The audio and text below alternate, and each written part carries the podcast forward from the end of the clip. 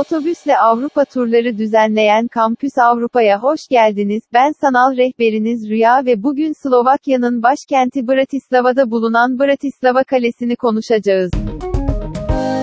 Slovakya'nın başkenti Bratislava'yı gözetleyen Bratislava Kalesi, Tuna Nehri'nin kıyısında yer alan bir tepede 9. yüzyılda inşa edilmiştir. Kale ayrıca Slovak tarihinde 11 kral ve 8 kraliçenin taç giyme törenlerine de ev sahipliği yapmıştır.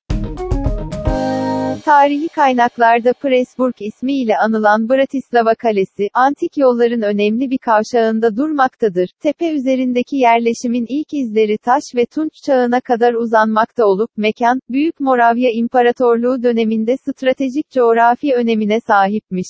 1. Macar Kralı Stephen 11. yüzyılda imparatorluğunu kale içinden yönetmeye karar vermiş, 1241 ve 1242 yılları arasındaki Tatar baskınları sırasında kale düşmemiş ve Macaristan'ı batıdan gelen saldırılara karşı korumuş.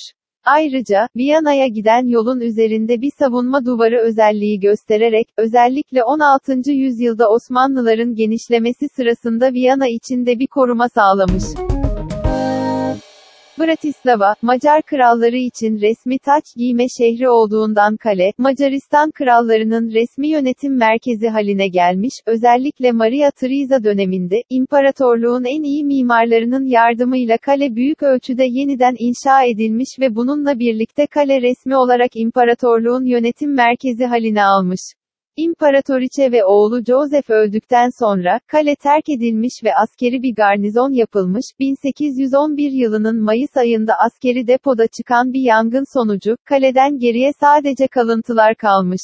İkinci Dünya Savaşı'ndan sonra, kalede düzenli ve ciddi anlamda yeniden yapılanma ve yenilenme çalışmaları başlamış. 1968 yılında devlet liderleri burada Çekoslovak Federasyonu'nu kuran bir belge imzaladıktan sonra, 1992 yılında bağımsız Slovakya'nın yeni anayasası da burada imzalanmış. Bratislava Kalesi, sadece şehri izleyen bir kaleden daha çok tarihe tanıklık eden ve Slovak tarihi için önem arz eden bir yönetim merkezi olarak kalmış.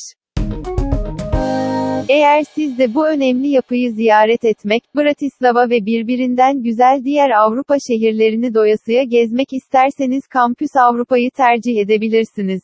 Detaylı bilgi almak ve tur programlarını incelemek için lütfen kampusavrupa.com adresini ziyaret etmeyi unutmayın.